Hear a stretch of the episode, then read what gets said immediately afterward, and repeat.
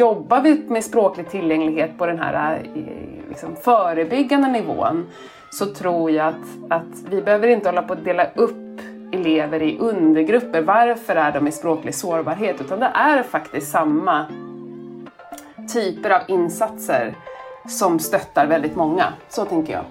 Du lyssnar på elevhälsopodden som sprider elevhälsa till alla i klassrummet, i lärarrummet, på skolgården och i korridoren.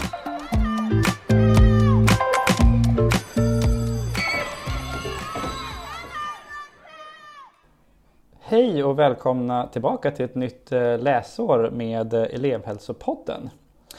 Eh, en podd som görs i samarbete mellan Uppsala kommuns centrala elevhälsa och grundskolans utvecklingsenhet.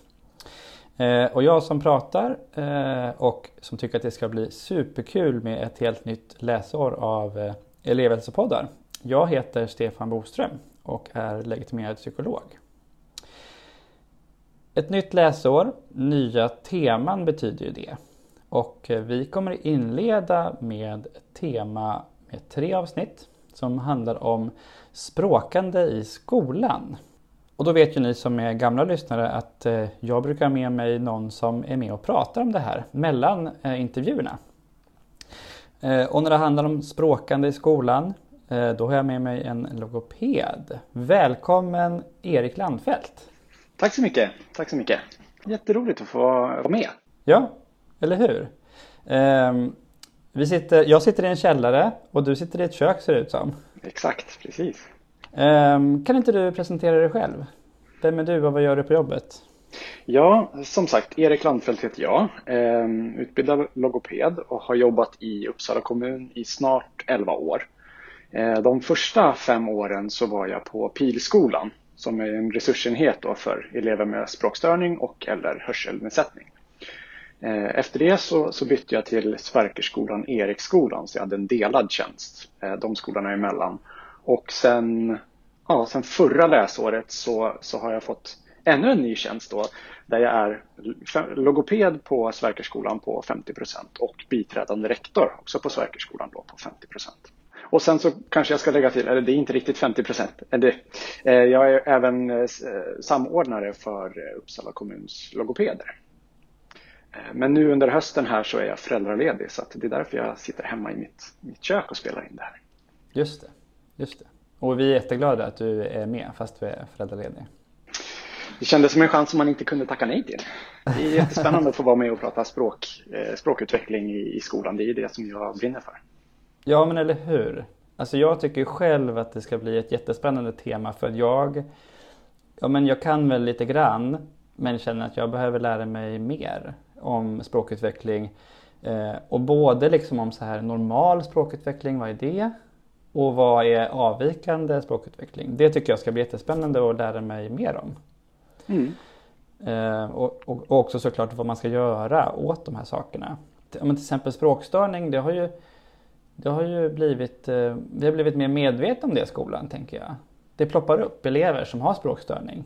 Mm. Eh, och som man beskriver som att de har språksvårigheter. Och då behöver vi ju lära oss hur man gör tänker jag. Mm. Precis. Men vad, du som är logoped.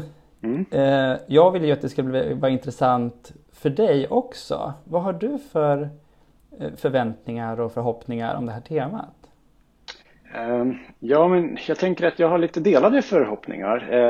Om man börjar, å ena sidan då så, så är mina förhoppningar att, att det ska, precis som du är inne på, ge en, en ökad förståelse för dels vad, vad språk faktiskt är för någonting och eh, men också vad, hur, hur problematiskt det kan bli för elever när språket inte fungerar. Eh, och sen så har jag också förhoppningar att få höra lite mer om vad den senaste forskningen säger kring eh, språkutveckling och, och, olika typer av språkliga svårigheter. Ja, men och det, det, jag hoppas att vi båda ska bli nöjda. Mm. Eh, för vi kommer ju eh, vi kommer ha två intervjuer faktiskt med en logoped och forskare som heter Anna-Eva Hallin. Känner du till henne? Mm. Ja, eh, verkligen. Hon är, hon är otroligt kompetent och eh, jag har följt hennes blogg, eh, forskningsbloggen, ganska, ja, sen hon startade den egentligen. Och, och den är väldigt matnyttig, eh, både för mig som logoped men, men även för mig som arbetar i skolan. Eh, hon skriver väldigt mycket om hur man, hur man kan arbeta just i, i skolan med elever som har någon typ av språklig sårbarhet eller språklig svaghet. Mm, just det. Ja men precis och då kommer det vara så att vi eh, det här första avsnittet som jag är jättesugen på eh, att lyssna på nu. Eh, ja men det kommer handla om eh, om vad språk är och normal och avvikande språkutveckling. Eh, och hur vi upptäcker det. Eh, och sen så kommer Anna-Eva vara med i ett till avsnitt, eh, nummer två i temat, som ju handlar just om språkutvecklande eh, arbetssätt i skolan. Mm. Eh, så så kommer, det, så kommer det gå till. Men eh, vad säger du, ska vi ta och lyssna på avsnittet med Anna-Eva och så snackar vi lite efteråt? Det tycker jag verkligen. Ja, då kör vi.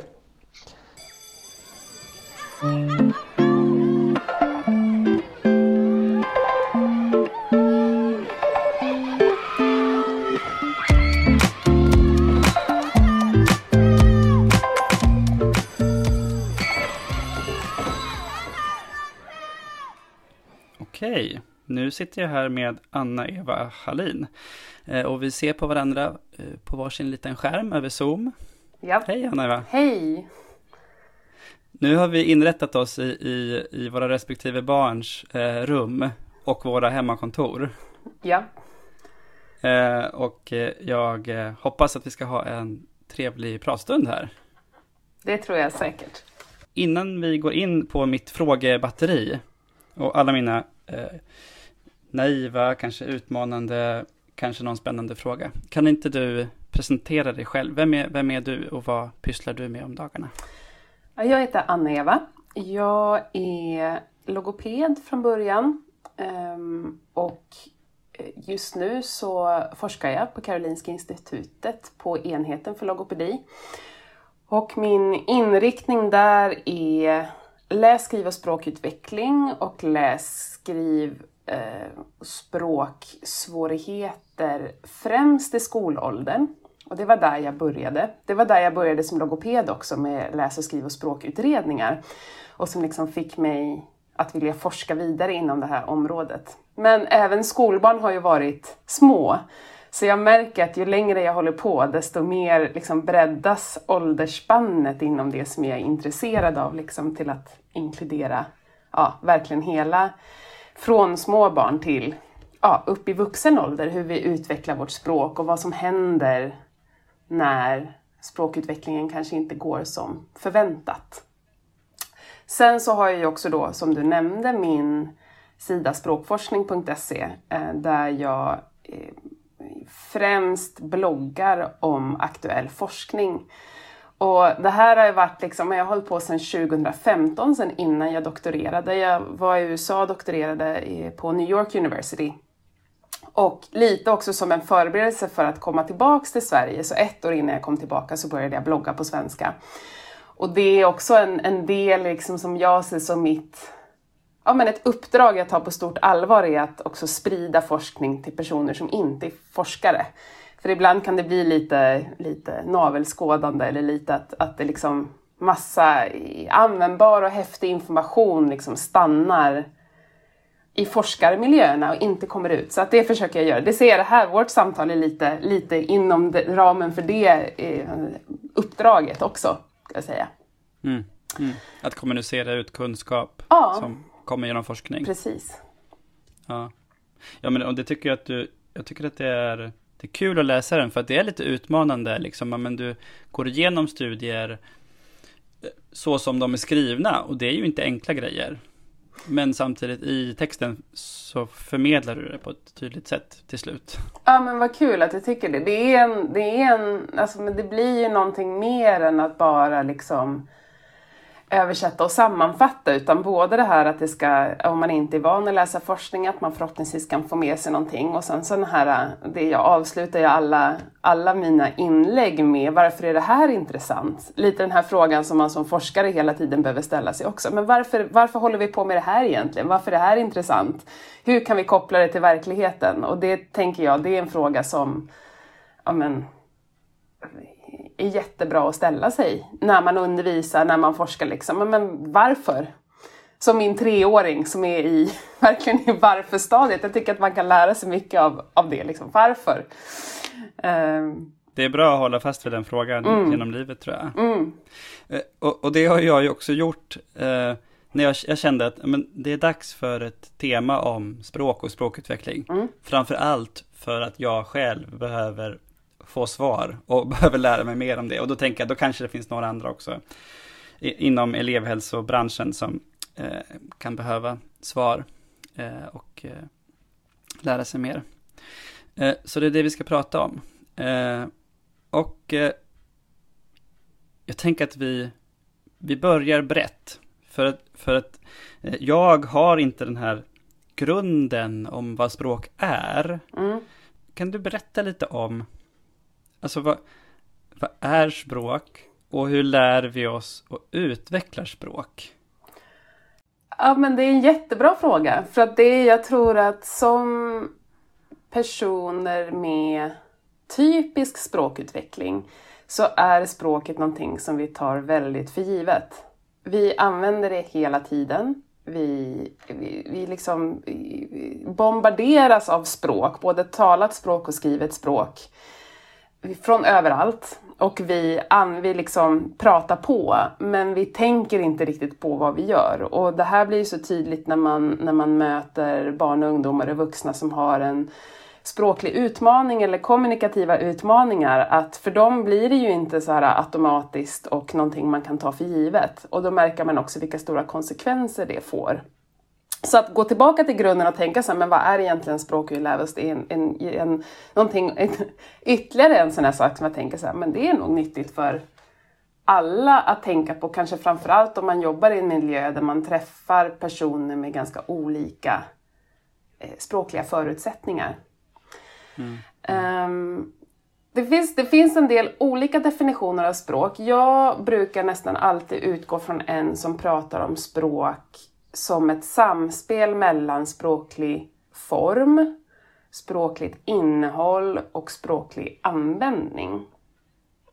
Okay. Där formen är till exempel uttal, grammatik, vilken ordning orden kommer i ändelser, eh, struktur, liksom hur vi strukturerar språket. Det är språklig form. Och den här formen använder vi för att uttrycka något sorts innehåll. För kommunikation är ju att vi vill förmedla någonting till någon annan. Eh, mm. eller förstå någonting som någon annan förmedlar. Så vi har mm. liksom en uppsättning med språkljud och grammatiska regler och liksom hur vi strukturerar språk som kan uttrycka massa form. Det här är en himla, alltså en otroligt häftig uppfinning, språket. Eh, liksom, eh, och, och ganska, inte helt unikt mänskligt, men, men i hur, i hur avancerat språket är så är ju liksom människans språk det mest avancerade vi vet. Mm. Sen har vi också språklig användning och där kommer ju det här som man kan kalla för pragmatik eller socialt språk in. Så vi, har, vi vill förmedla ett innehåll, vi sätter en språklig form till det och vi gör det i ett socialt sammanhang.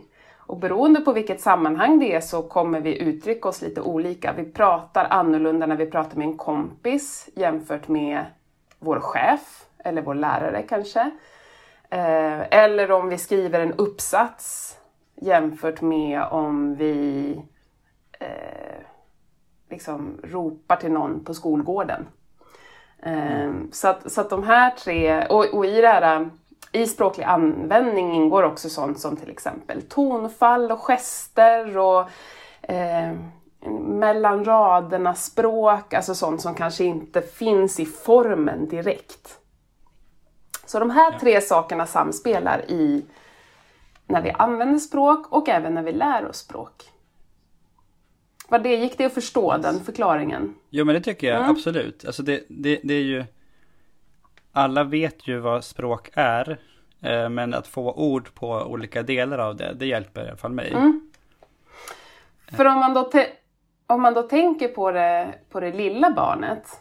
Då, när man pratar om små barn som lär sig ett eller flera modersmål. Det, vi har ju kapacitet att lära oss många språk samtidigt. Men då, eh, då pratar man om en omedveten språkinlärning eller en implicit språkinlärning. Det vill säga, vi sätter inte bebisen på en stol och försöker lära den grammatiska regler. Eh, eller eller eh, liksom försöker säga, men så här ska du röra munnen för att uttala det här ordet. Utan det lilla barnet lär sig språk för att den har språk runt omkring sig. Och hör språk och, och när man hör talat språk så kommer hjärnan att börja uppfatta, ja men vilka är de vanliga språkljuden i det här språket jag hör? Eh, vilka är de vanliga kombinationerna? Och sen för att man är i ett socialt sammanhang börja koppla det här till till exempel ja, men boll, är det här runda. Men hur, hur går det till, den kopplingen? Alltså så här, från att man hör ett ljud, att förstå att det är någonting kommunikativt och sen att koppla det till en sak eller ett fenomen. Alltså, vet man någonting kring hur den kopplingen görs? Eller Ja, alltså det första, det första som man behöver ha, om vi går tillbaka till form, innehåll, användning. Egentligen så det allra första är ju att det lilla barnet utvecklar en social förmåga eller en, en, en språklig användning. Sånt som eh, delad uppmärksamhet till exempel vet man är väldigt viktig. Eh, det vill säga att vi det här händer ju innan barnet har börjat prata, men att vi kan liksom titta på en boll och sen titta på varandra och sen titta på den där bollen och tycka att det är spännande tillsammans. Vi delar uppmärksamheten kring det här objektet. Och det här är en väldigt viktig förmåga för att sen när man väl börjar få eh, liksom en språkljudskombination som betyder det här objektet så tar vi hjälp av den här delade uppmärksamheten för att kunna koppla formen, det vill säga boll, de, eh, den ljudkombinationen till det här objektet som vi gemensamt tittar på just då.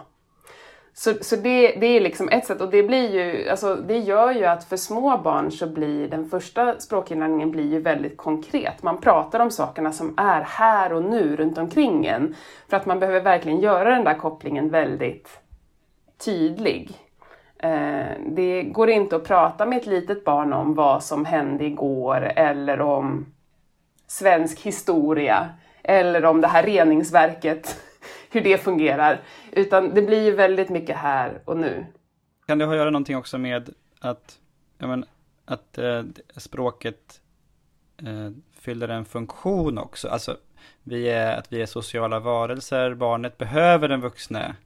Så den, det är något kanske inbyggt i oss som gör att vi, ins, vi är programmerade att, att att vi behöver kommunicera för vi behöver hjälp. Absolut. Och där är det ju några av de tidigaste kommunikativa funktionerna, så här, även innan, återigen innan man faktiskt har ord för det, är ju dels att kommentera, att jag vill berätta för dig.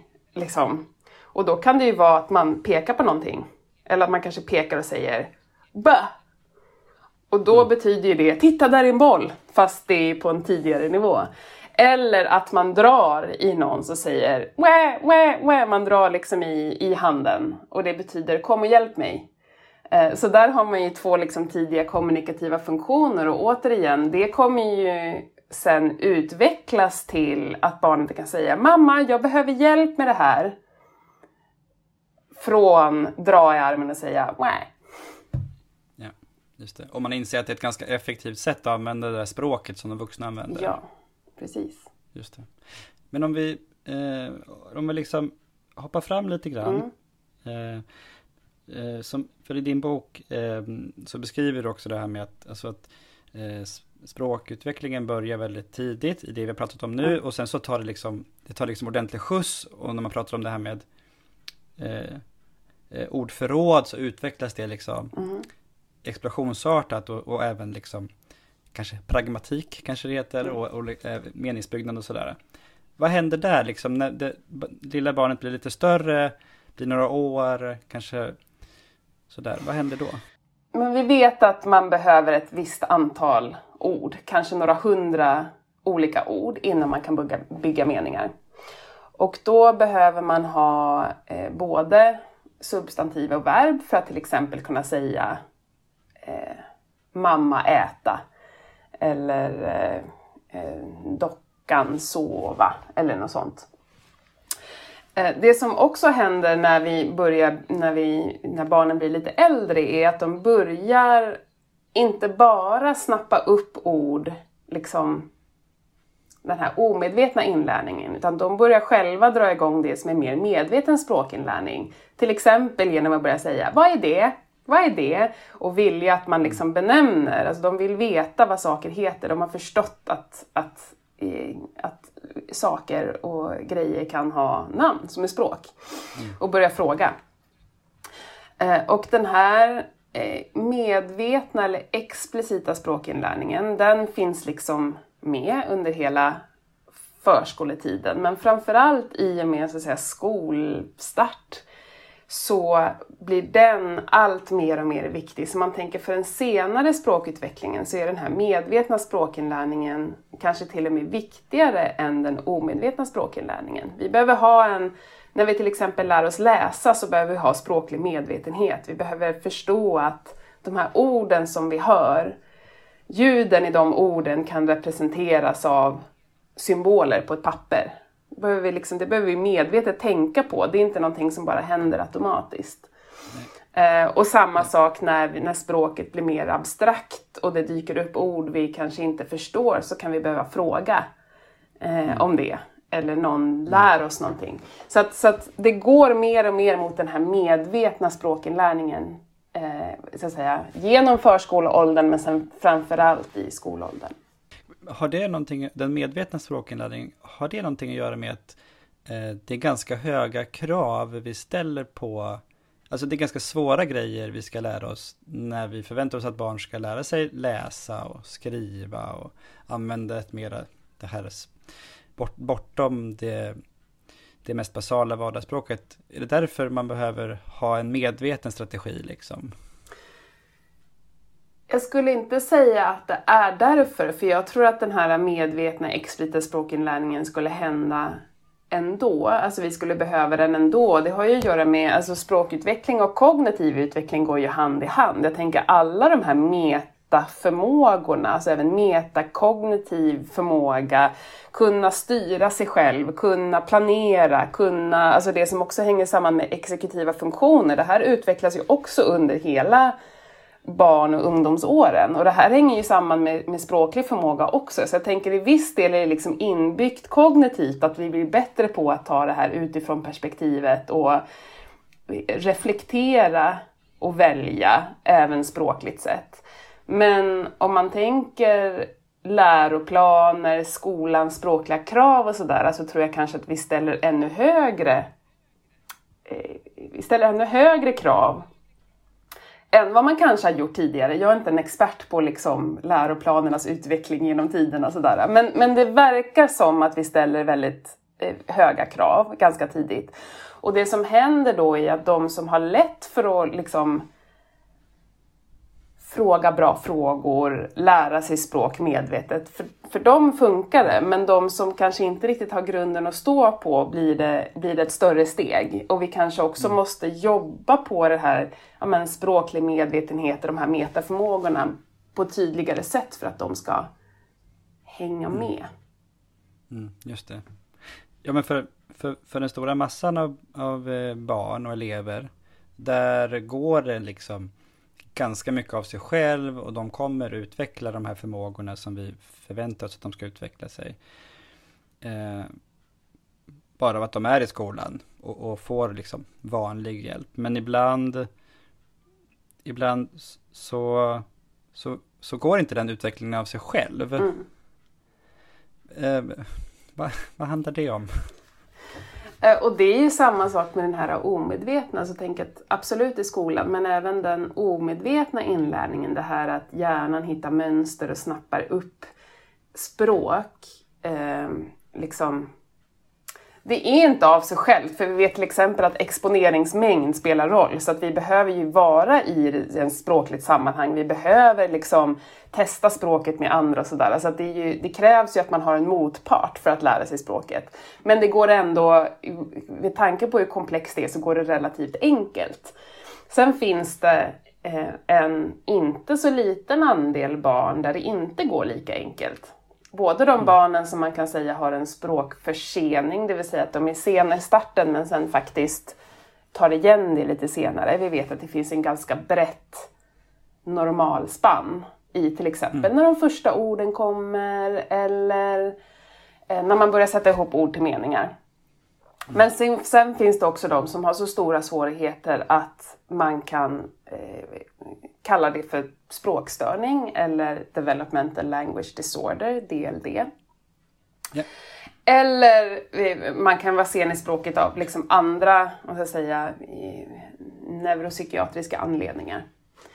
Um, och en teori kring just det här med varför det är varför det blir svårt, eller en av teorierna kring språkstörning är ju just att den här omedvetna språkinlärningen, det här att, att hitta mönster i språket runt omkring oss, att det inte fungerar lika effektivt. Eh, och när det inte fungerar lika effektivt så blir det en långsammare språkutveckling. Och i skolan så gör ju det också att när man kommer till skolan har man inte alls samma språkliga grund att stå på som de som inte har den här svårigheten att liksom snappa upp språket. Mm, så man är kanske lite efter redan i början? Absolut. Mm. Men eh, vi är ju många i skolan, alltså både om man jobbar liksom som jag som psykolog eller specialpedagog eller som lärare som ändå har i uppgift att på något sätt eh, eh bedöma och följa utvecklingen eh, hos barn. Mm. Det, det, det sysslar de flesta av oss med liksom. Det, det, är en bra grej som hjälper oss i vårt arbete, tänker jag. Eh, hur vet vi då, var det liksom cut-offen för när vi ska börja bli oroliga för att språkutvecklingen inte riktigt, att den avviker eller försenad? Mm. Hur, ska vi, hur kan vi börja reda i det? Ja, det är en, åh, var ska man börja någonstans? Det är, inte en helt, det är inte en helt lätt fråga. För att språkstörning, om vi, om vi pratar om det som är också är mitt, liksom mitt specialområde, så, det kan se rätt olika ut för olika barn, olika elever. Det finns liksom inte ett tecken som är så här, men ser du det här? Då är det språkstörning. Nej. Men det finns lite saker som man kan vara uppmärksam på. Om vi pratar om eh, Alltså till exempel ett, ett barn, en elev i lågstadiet, ska kunna berätta sammanhängande kunna berätta någonting som har hänt. Eh, och nu pratar vi muntligt, liksom muntligt berättande.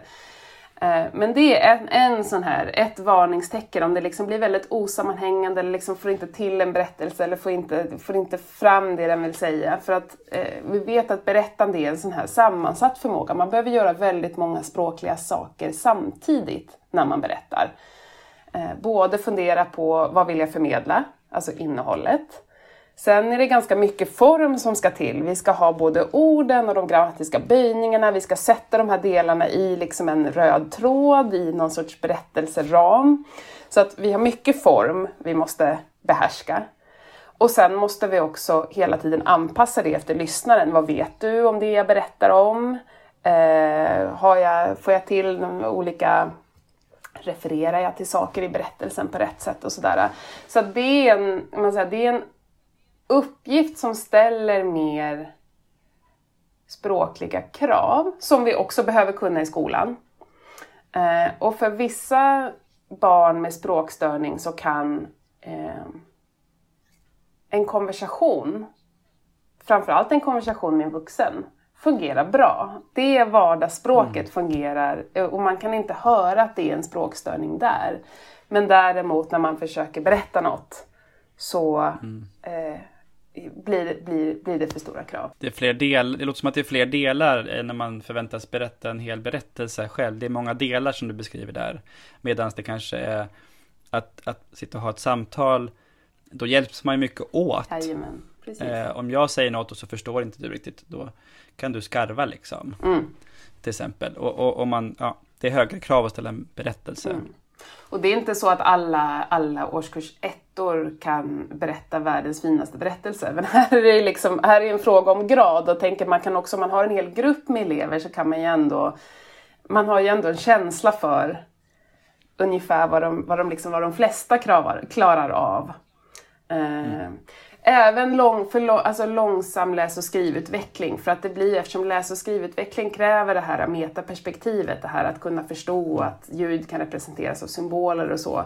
Även om det inte är så att alla personer med språkstörning får stora avkodningssvårigheter. Eh, kan absolut lära sig att läsa med flyt så tar det oftast längre tid för att det kräver den här mm. meta, eh, metaspråkliga förmågan, språkliga medvetenheten. Mm. Um,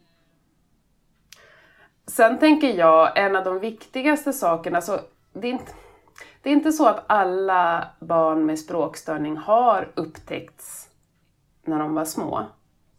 Många har det, men inte alla. Så det kan mycket väl så att man inte upptäcker språkstörningen förrän man kommer i skolan.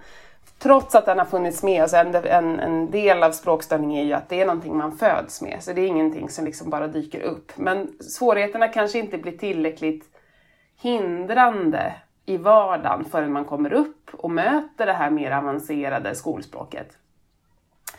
Men det blir självklart viktigt att ha en särskild koll på de elever som faktiskt har haft logopedkontakt tidigare. Um, för där upplever jag, det har ju också att göra med hur liksom vård är organiserad, men ibland kan det där tappas bort lite och så går man upp i skolan och det kanske funkar ganska bra. Men det finns en risk att, att i mötet med ett mer avancerat språk, att språkstörningen som fanns när man var liten faktiskt kommer tillbaka. Eh, eller märks igen. Men att den där kopplingen inte riktigt görs. Och, där, och det är ju inte, självklart ska man vara jätteglad över alla framsteg som görs. Även de med språkstörning utvecklas i språk. Och det är inte så att det här att vi måste säga till alla föräldrar att vi vet inte hur det kommer se ut i framtiden alltid. Eh, men däremot att ha lite extra koll så att man inte missar eh, någonting som man faktiskt redan visste innan att men det, här kan bli, det här kan bli lite extra utmaning med skolspråket. Um, det tänker, jag, det tänker jag är viktigt. Eh, en annan del, alltså tänker även efter då man har, det kanske går bra att knäcka läskoden. Ehm, men för många som, som har språkliga svårigheter så är det sen när högre krav ställs på självständigt läsande och läsförståelse. För språket i böcker är avsevärt mer komplext återigen när vi bara pratar med varandra. Och när vi pratar kan vi också ta stöd av gester och vi kan ge små förklaringar och vi använder pauser och betoningar. Men i texten så är det liksom bara de orden som är där.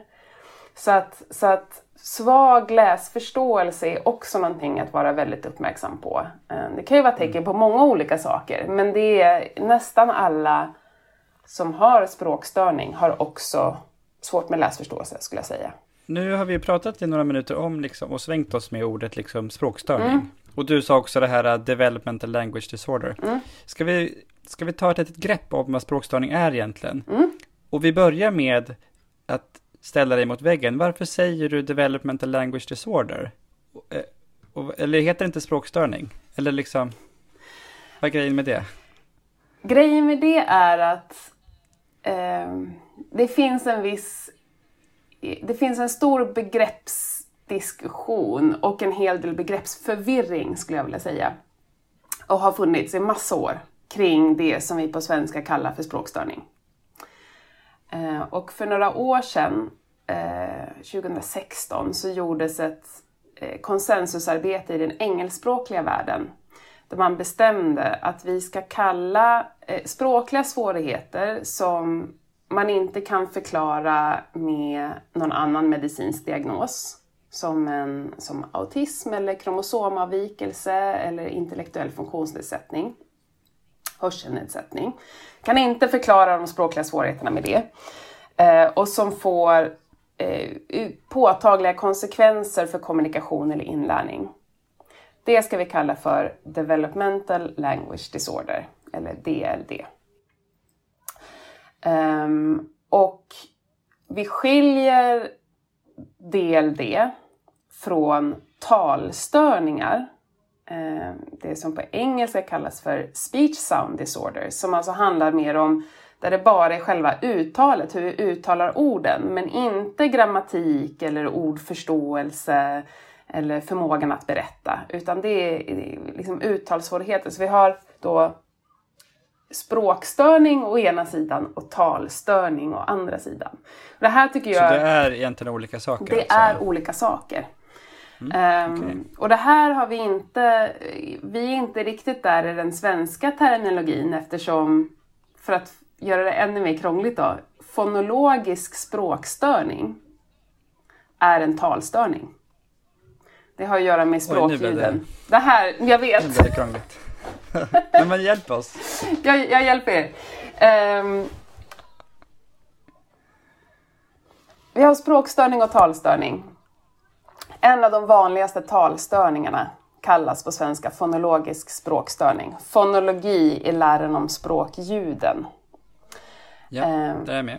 Har man en språkstörning, eller DLD, kan man också ha en talstörning. Det vill säga du kan ha svårigheter med alltihopa. Både uttal, grammatik, berätta, förstå vad ord betyder.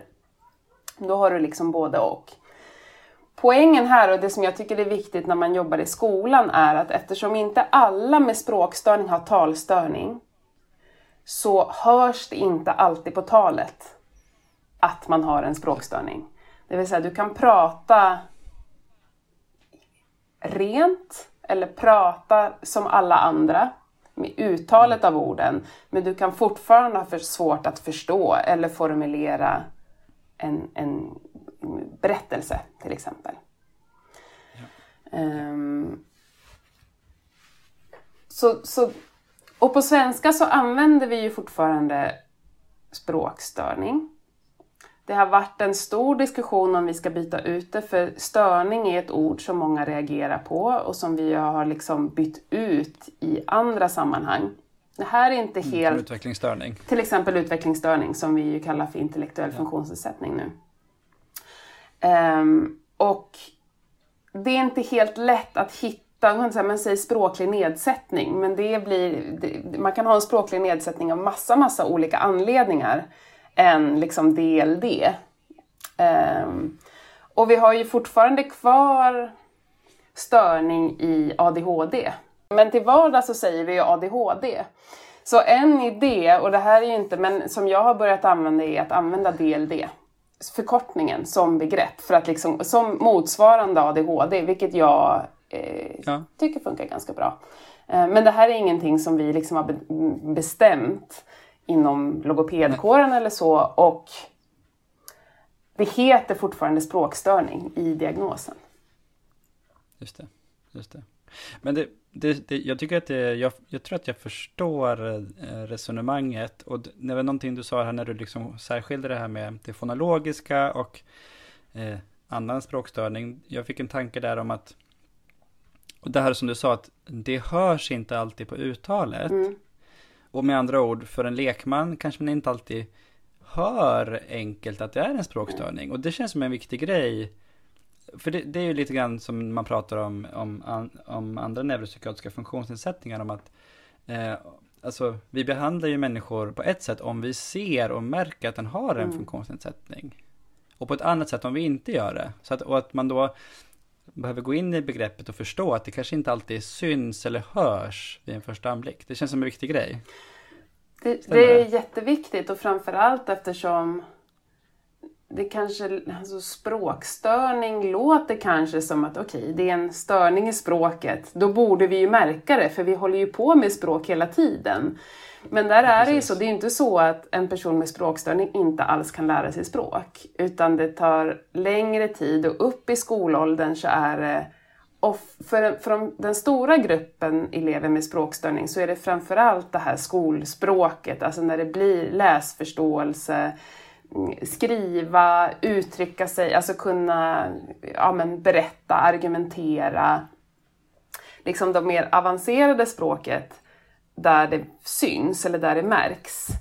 Eh, och kanske inte det här vardagsspråket.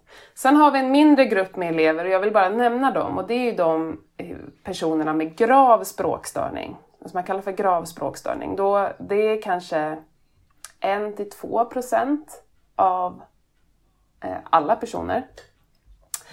Mm. Och där kan de språkliga svårigheterna vara mer påtagliga. Även, även i liksom vardags, eh, vardagspratet. Så.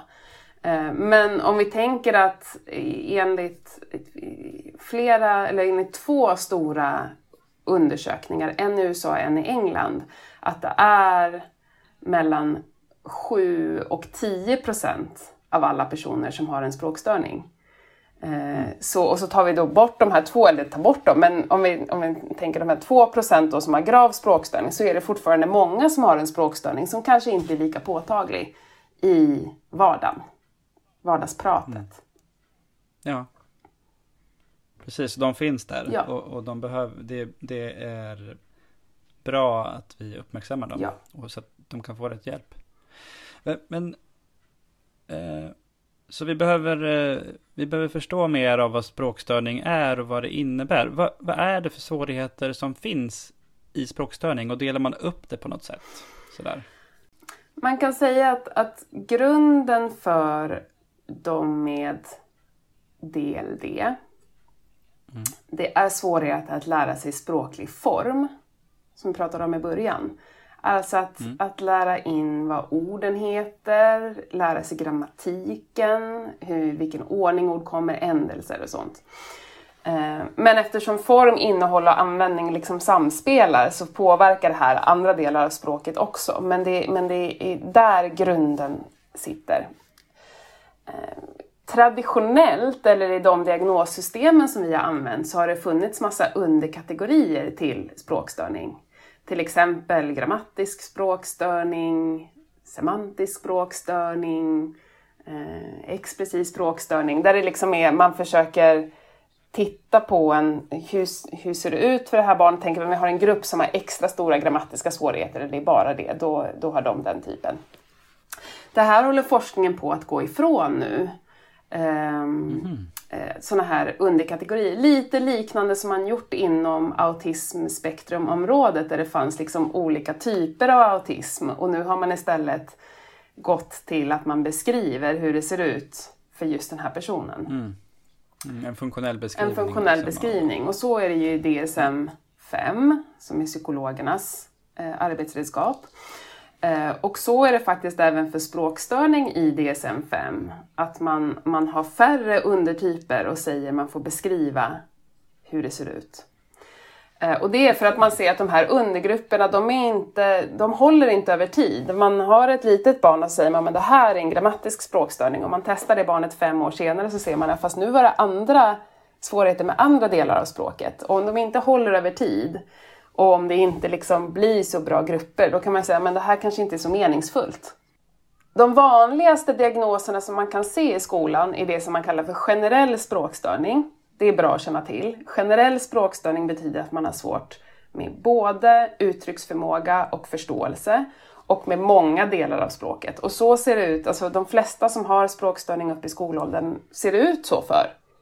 Sen får man läsa logopedutredningen för att se hur det ser ut för just den här eleven. Är det liksom i ordförrådet det som är liksom det största hindret? Eller är det någon annan del av språket? Eh, sen kan vi ha expressiv språkstörning och då är det expressiv betyder liksom uttrycksförmåga. Då är svårigheterna med att uttrycka sig större än förståelsesvårigheterna. Men där är det jätteviktigt att komma ihåg att även en elev med expressiv språkstörning kan ha svårt att förstå i mer komplexa sammanhang. Typ läsförståelse är fortfarande ofta svårt. Det betyder inte att det inte finns några förståelsesvårigheter men att de eh, uttryckssvårigheterna är det största. Så att, så att jag tänker oavsett vad det, det viktiga här tycker jag oavsett vad det står för underdiagnos så titta på hur eleven funkar i mm. vardagen och läs igenom, hur ser liksom, läs igenom logopedutlåtandet. Ja. Det måste vara utgångspunkten, inte vad vi kallar det för. Nej. Jag, jag, känner, jag känner mig lite träffad här. Jag har läst ganska mycket logopedutlåtanden och liksom det kan, kan ibland bli min roll att förmedla det till personal. Mm. Och, och, då gör man ju det och jag tycker logopeder ofta skriver föredömligt tydliga rekommendationer som kanske ändå inte alltid efterlevs. Eh, men det är just det här, jag har ändå snappat upp de här liksom, som jag uppfattar subtyperna och så säger man det, man slänger sig med det lite grann. Men nu blev jag intresserad att gå tillbaka till de, till de här utlåtandena och säga, okej, okay, men vad innebär det där nu för just den här eleven? Mm. Liksom, vad har logopeden sett?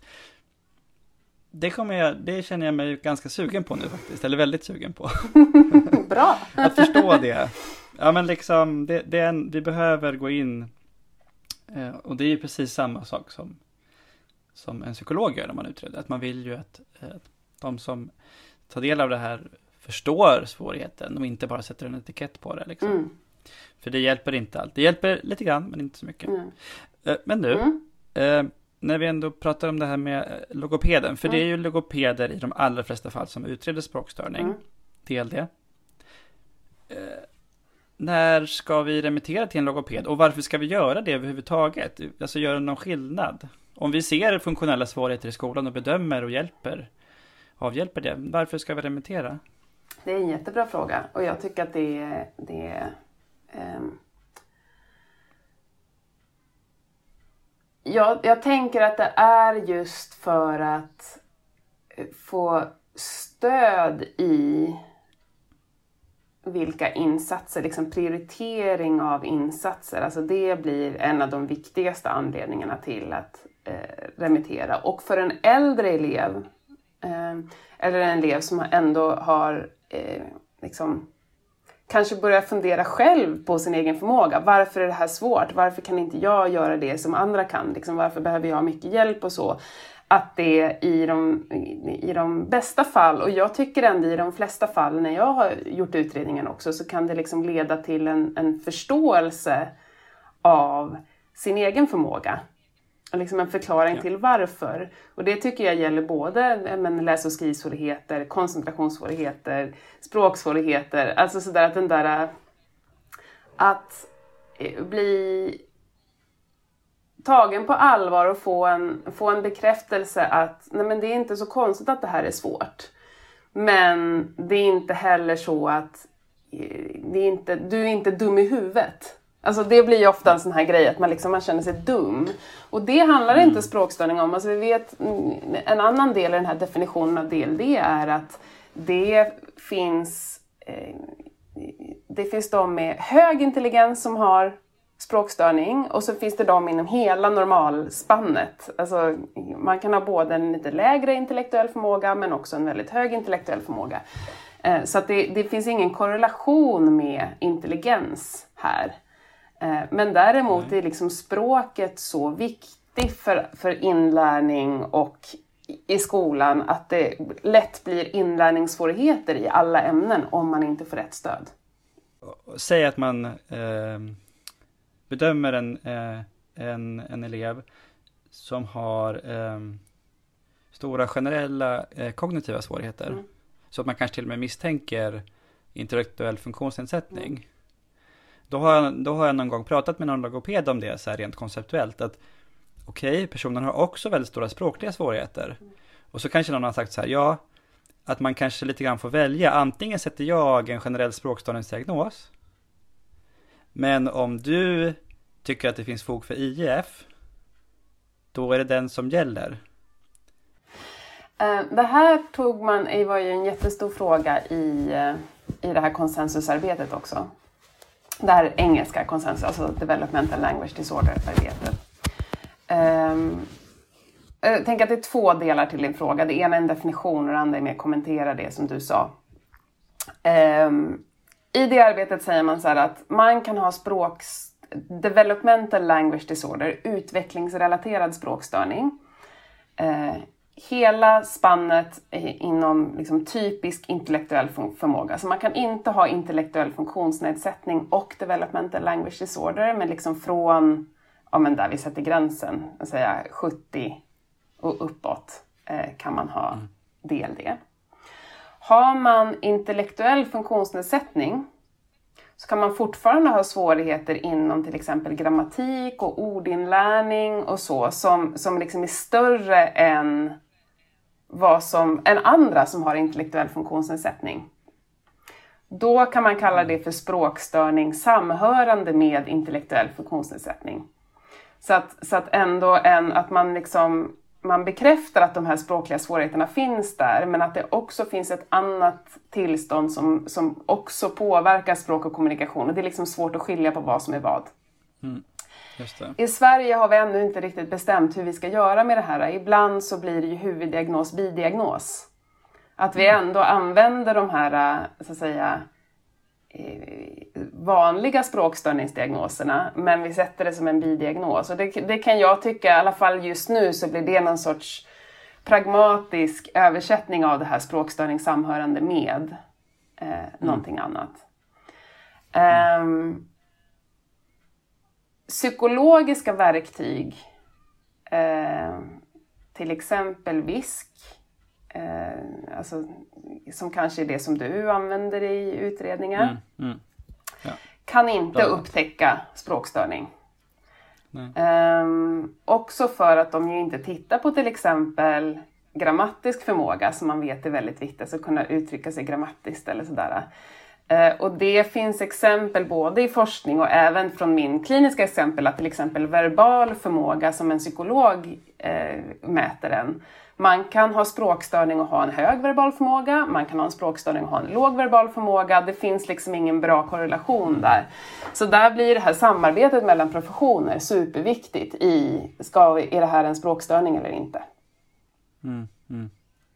Ja men precis, ja, men, ja, men det här med verbal förmåga som man tittar på i psykologiska test är ju ofta en ingång till att börja prata med en logoped och kanske remittera mm. enligt min erfarenhet. Eh, och, men när man, man behöver prata om det med den andra professionen, det har jag också väldigt goda erfarenheter av. Mm. Eh, du, Anna-Eva, mm. eh, spännande grejer. Mm. Jag har fler spännande grejer på min frågelista här. För vi måste prata om flerspråkighet. Ja. Och flerspråkighet i kombination med DLD. Mm. Eller? Är frågan. Mm, ja, jo vi eh, måste ja, men, prata om det, men... Eh, ja, ja. ja. Vad va, va, va är grejen? Eh, ja, men kan du säga någonting först om, alltså, för vi, har ju, vi började ju vårt prat om det här med språkutveckling och avvikande språkutveckling. Och då sa du också att det kan vara försenad och du nämnde det här med eh, exponering för språk. Mm. Eh, om man har elever som är flerspråkiga, mm. eh, vad, vad hur kan det yttra sig och vad behöv, hur kan det yttra sig i skolan? Det första jag vill säga är att flerspråkighet orsakar inte språkstörning. Eh, det vet vi nu. Eh, liksom från, från massa, massa års forskning.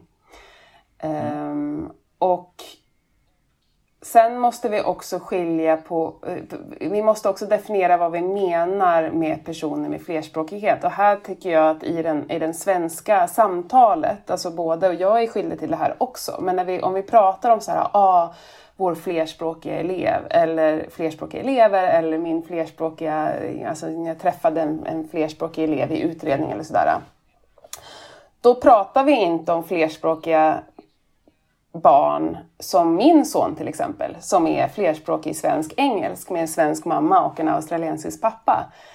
Utan vi pratar ju kanske snarare om flerspråkiga med svenska som andraspråk eller flerspråkiga med ett minoritetsspråk eller där antingen föräldrarna eller barnet kom, kommer från kanske ofta en utomeuropeisk eh, land och har med sig det mm. språket.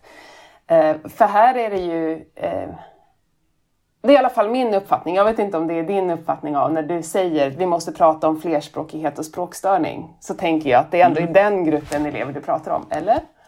Mm. Ja, jo, jo, absolut. Ja. ja, men jag ska fortsätta prata mm. så kommenterar jag sen när jag behöver.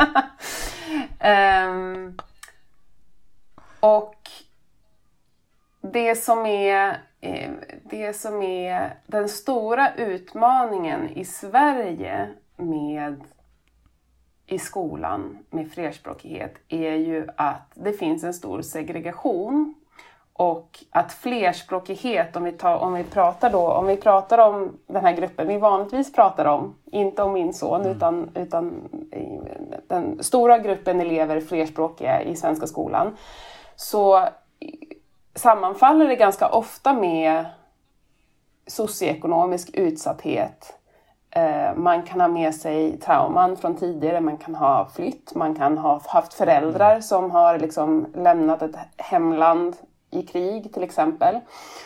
Um, och de här faktorerna, alltså socioekonomisk utsatthet, trauma, um, den typen av faktorer, det vet man är en riskfaktor för språkstörning. Ah, um, för, språkut, för, för försenad språkutveckling. Um, ja, okej. Okay, och det är inte samma sak som DLD då? Nej, eller? alltså man ska ju man tänker ändå så här att för, att för att det ska vara en språkstörning så ska det finnas någon sorts genetisk skörhet. Alltså alla de här neuropsykiatriska funktionsnedsättningar, de delar liksom ja. gener, miljöriskfaktorer eh, och till viss del symptom också. Ja. Um, så, att, så att det är ju faktiskt inte så att alla barn med svenska som andraspråk från socioekonomiskt utsatta förhållanden har en försenad språkutveckling. Eh, nej, nej. Ju. Eh, men en genetisk skörhet i kombination med de här riskfaktorerna ökar chansen att de språkliga svårigheterna blir så stora att vi sen kan kalla det för Just språkstörning. Det. Så att de kanske oftare faller ut om man har de här riskfaktorerna. Ja. Som du nämner och en utsatthet. Ja. ja, men det där känns ju bättre och att då, som du säger, eh, flerspråkighet, som att man har flera språk som man använder sig av, det, det är inte i sig en risk för DLD, Nej. eller större risk för DLD. Nej. Precis. Men det finns inget det här, men hur ska man veta om det? För då är det den här gruppen som verkligen har svenska som andra språk, alltså antingen nyanlända elever eller Mm. barn som av olika anledningar då har fått exponering för svenska senare, eller inte har exponering för svenska hemma ska vi säga. För det, för det är ju en mm. stor mm. grupp där liksom skolan, förskolan och skolan är kanske enda exponeringen. Ja. Och där kanske framförallt på förskolan så blir det inte heller kanske, det kanske finns många, eh, inte många svenskspråkig personal heller i vissa områden. Ja. Så att exponeringen där mm. blir ganska lite också. Mm. Eh, det här är en svår nöt att knäcka. Det som också är viktigt och det som vi logopeder alltid försöker ta fasta på och utreda är att språkstörning finns på alla språk. Så mm. Ser man svårigheter på svenska, det första man måste göra är att ta reda på, kan man också se svårigheter på hemspråket? Där kanske det då har funnits mer exponering. Mm. Det här är jättesvårt om man inte pratar språket själv. Och här blir ju både mm. modersmålslärare, jätteviktiga att prata med. Ja. Eh, även föräldrar i den mån de kan säga någonting om språkutvecklingen och man kan kommunicera med dem. Och vi logopeder tar ju ofta hjälp av tolk, både för att liksom kunna samtala med föräldrar men också för att göra vissa uppgifter. Vi, alltså jag, jag känner att nu, jag vill ju naturligt gå in på hur vi ska jobba med det här i skolan. Mm. Eh, både med flerspråkighet och, och försenad språkutveckling men med språkstörning. Mm. Det gör vi i nästa avsnitt. vi sparar den karamellen. Eller den godisskålen. Det, mm. det blir jättebra mm. i vårt nästa samtal. Um, jag tänker att vi ska börja runda av det här första avsnittet. Um, um, jag tycker det är kul att du har ju ändå nämnt vid flera tillfällen, liksom, ja, men, nämnt att det du säger ändå har någon slags bäring i forskning och, och du forskar själv vad tycker du, eller vad, vad tycker du är det mest spännande eh, eh, av ny forskning eh, kring, eh, kring språkliga svårigheter och DLD just nu? Kan du nämna någonting? Ja, det finns jättemycket spännande, men jag är, tycker ju att den här jag tycker att forskningen om den här omedvetna inlärningen av språk i olika åldrar, den här implicita inlärningen, eh, är superspännande för det är så häftigt hur hjärnan kan göra det och hur alla våra hjärnor gör det när vi, liksom, när vi, när vi började lära oss språk. Och hur, dels då hur att det skulle kunna vara en möjlig orsak till DLD, eller till språkstörning. För här har det funnits massa olika teorier. Eh, vissa har man börjat eh, säga att det här stämmer nog inte. Men annars så finns det flera olika, flera olika teorier vad det här egentligen beror på. Den här med att det är svårt med, med den omedvetna inlärningen är en av, de, en av de nyare som jag tycker är mest spännande och som börjar få bra forskningsstöd. Mm. Det som också jag gillar med den teorin är liksom konsekvenserna det får för insatser. Hur man kan använda den kunskapen för att eh, hjälpa personer med språkstörning. Och där har det kommit jättespännande studier för yngre barn där man liksom genom att använda sitt eget språk på ett sätt som underlättar för hjärnan att känna igen mönster kan utveckla språket bättre hos barn med språkstörning. Det är ju superspännande. Oh. Att man tar ja, den här liksom hjärnforskningen och sen så gör man någonting konkret med sitt eget språk och så hjälper det. Um, och sen så det för, för den andra konsekvensen i skolåldern är ju att när vi vet att barn inte kan snappa upp språk på sättet som jämnåriga kan, då måste vi ju jobba ännu mer explicit. Alltså arbeta med explicit undervisning och det kommer vi att prata om i nästa avsnitt. Men jag tänker att det här, det som är spännande i hjärnforskningen, det jag gillar med det är också att det får så tydliga konsekvenser för oss i praktiken. Mm. Spännande. Nu, jag tog direkt upp eh, din blogg här. Mm. för att läsa vidare. så ska vi ta en liten paus så kan jag läsa lite på bloggen. Nej men eh, språkforskning.se mm. är ju din hemsida mm. och där finns din forskningsblogg. Ja. Eh, det får bli eh, slutord eh, för det här avsnittet. Jättekul att ha med dig Anna-Eva. Superkul. Vi hörs snart igen då. Till nästa ja, det gör vi. Ja, ha det bra. Ja, ha det bra. Hej då. Hej då.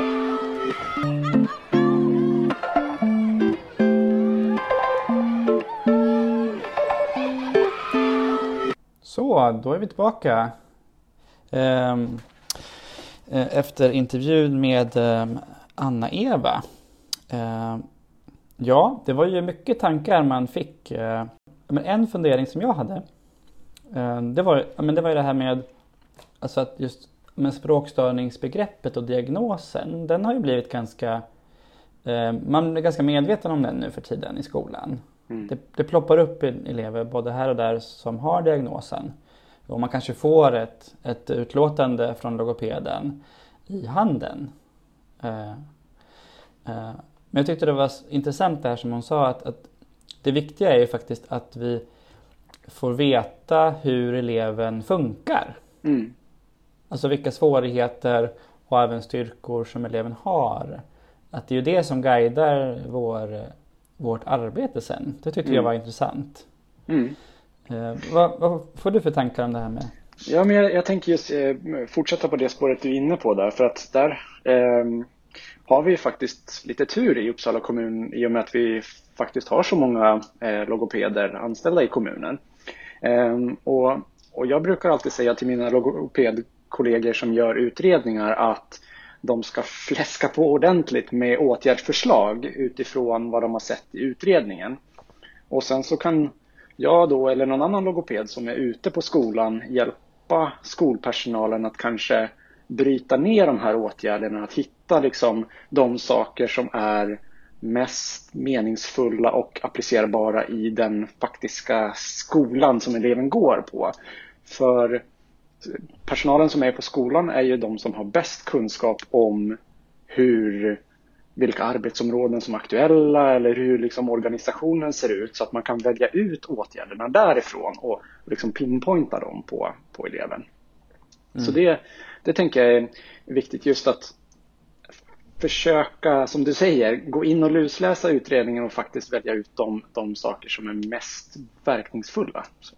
Just det. Och som är, och som är aktuella just i skolmiljön där eleven mm. är. På, på liksom NO-lektionen eller på idrotten. Liksom.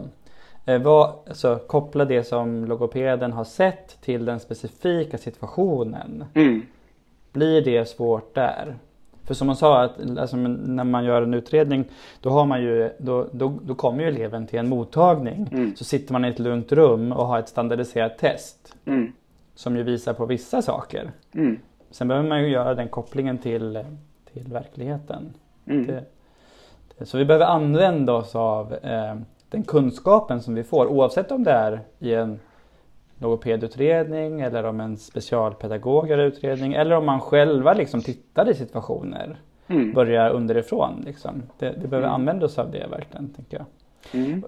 Fick du några andra tankar om avsnittet? Ja, jag tänker, jag, jag, mina förhoppningar var ju just att vi, att vi skulle få en, en kanske en lite bredare bas kring vad, vad språk egentligen är. Och, och där lyfter ju hon det här med form, innehåll och användning, att man kan se på språket utifrån de aspekterna. Eh, och, och, det som jag fick med, med, mig där var väl just det här um, tecknen på språkstörning som man som skolpersonal kan leta efter. Det här med att ja, men man, eh, en eh, elev på lågstadiet som har svårighet med att återberätta eller berätta någonting som de har varit med om. Och att man, att man kanske försöker rikta sina, sina ögon mot användningen av språket och inte bara fokusera på formen, alltså att man lyssnar efter uttalet. För, för det hörde vi att det kan ju vara en del av språkstörningen men, men eh, en mera allvarlig form av språkstörning går ju mer på djupet på själva användningen av språket. Så, så det, det fick jag med mig. Just det, att man ska fundera kring det. Och om jag mm. inte minns fel så var det det här med att, eh, jag menar att, att användningen är nästan alltid påverkad. Mm. Eh, Precis. Det är liksom en, en del av själva eh, svårigheterna eller funktionsnedsättningen i vardagen. Att man inte kan använda språket när man skulle behöva det. Mm. Så. Precis. Just det, att man liksom eh, riktar sökarljuset eh, mot det. Mm. Ja. Ja, men det låter ju klokt. Eh, Ja, och sen så, sen så var ni ju inne lite och pratade just om eh, elever med annat modersmål och så. Och ja. svårigheten där mellan att är, det, är svårigheterna beroende på att eleven har en bristande exponering för svenska eller är det en underliggande språkstörning? Och, och att hon då trycker på just vikten av att ta in fler personer, att fråga modersmålsläraren hur, hur, hur språkar eleven på sitt modersmål? Man pratar med föräldrarna. Hur var, hur var språkutvecklingen på modersmålet om det är en elev som har, som har kommit hit i lite äldre ålder då till exempel. Mm. Eh, men just att, att undersöka modersmålet så gott det går. Och det, det, är ju problematiskt om man själv inte talar det. Men, men att våga då bjuda in fler personer och grotta i det hela. Mm. Just det. Just det, ja men det är ju klokt. Och jag, och jag tänkte, alltså det är ju... Ja men jag tycker att det är viktigt att ta upp det här kring flerspråkighet som jag ju tog upp med henne. Eh, men det är också, alltså det är ju liksom en komplex fråga. Mm. Eh, och som hon ju sa det här med att det är så många faktorer som påverkar eh, hur eleven utvecklas eh, språkligt. Mm. Eh, och att man behöver, alltså vi kanske tänker liksom, ja men här, här är det försenad språkutveckling för att ja men den har just kommit till Sverige. Men mm. vi behöver också kanske kolla på andra faktorer liksom, som är runt omkring. Mm. Som nästan alltid hör till liksom. Och, ja, så att man inte stannar bara vid det mest uppenbara liksom och kanske då kanske blir lite låst i mm. det. Att, eh, ja, men den har ju inte fått tillräcklig exponering kan man nu säga för språk. Mm. Ja, men det kanske finns andra saker att titta på som vi kan påverka. Mm. Uh, ja. Men uh, nu, nu kommer vi in och pratar om vad, vad, man faktiskt ska göra åt det här i skolan, hur vi ska jobba. Uh, så, och det kommer vi ju få lära oss mer om i nästa avsnitt. Precis. Det blir roligt. Mm. Ehm, så jag tycker vi ehm, stänger, eh, stänger lådan för den här gången. Och så eh, ses du och jag i nästa avsnitt. Jajamän. Vi hörs. Det gör vi. Ha det bra.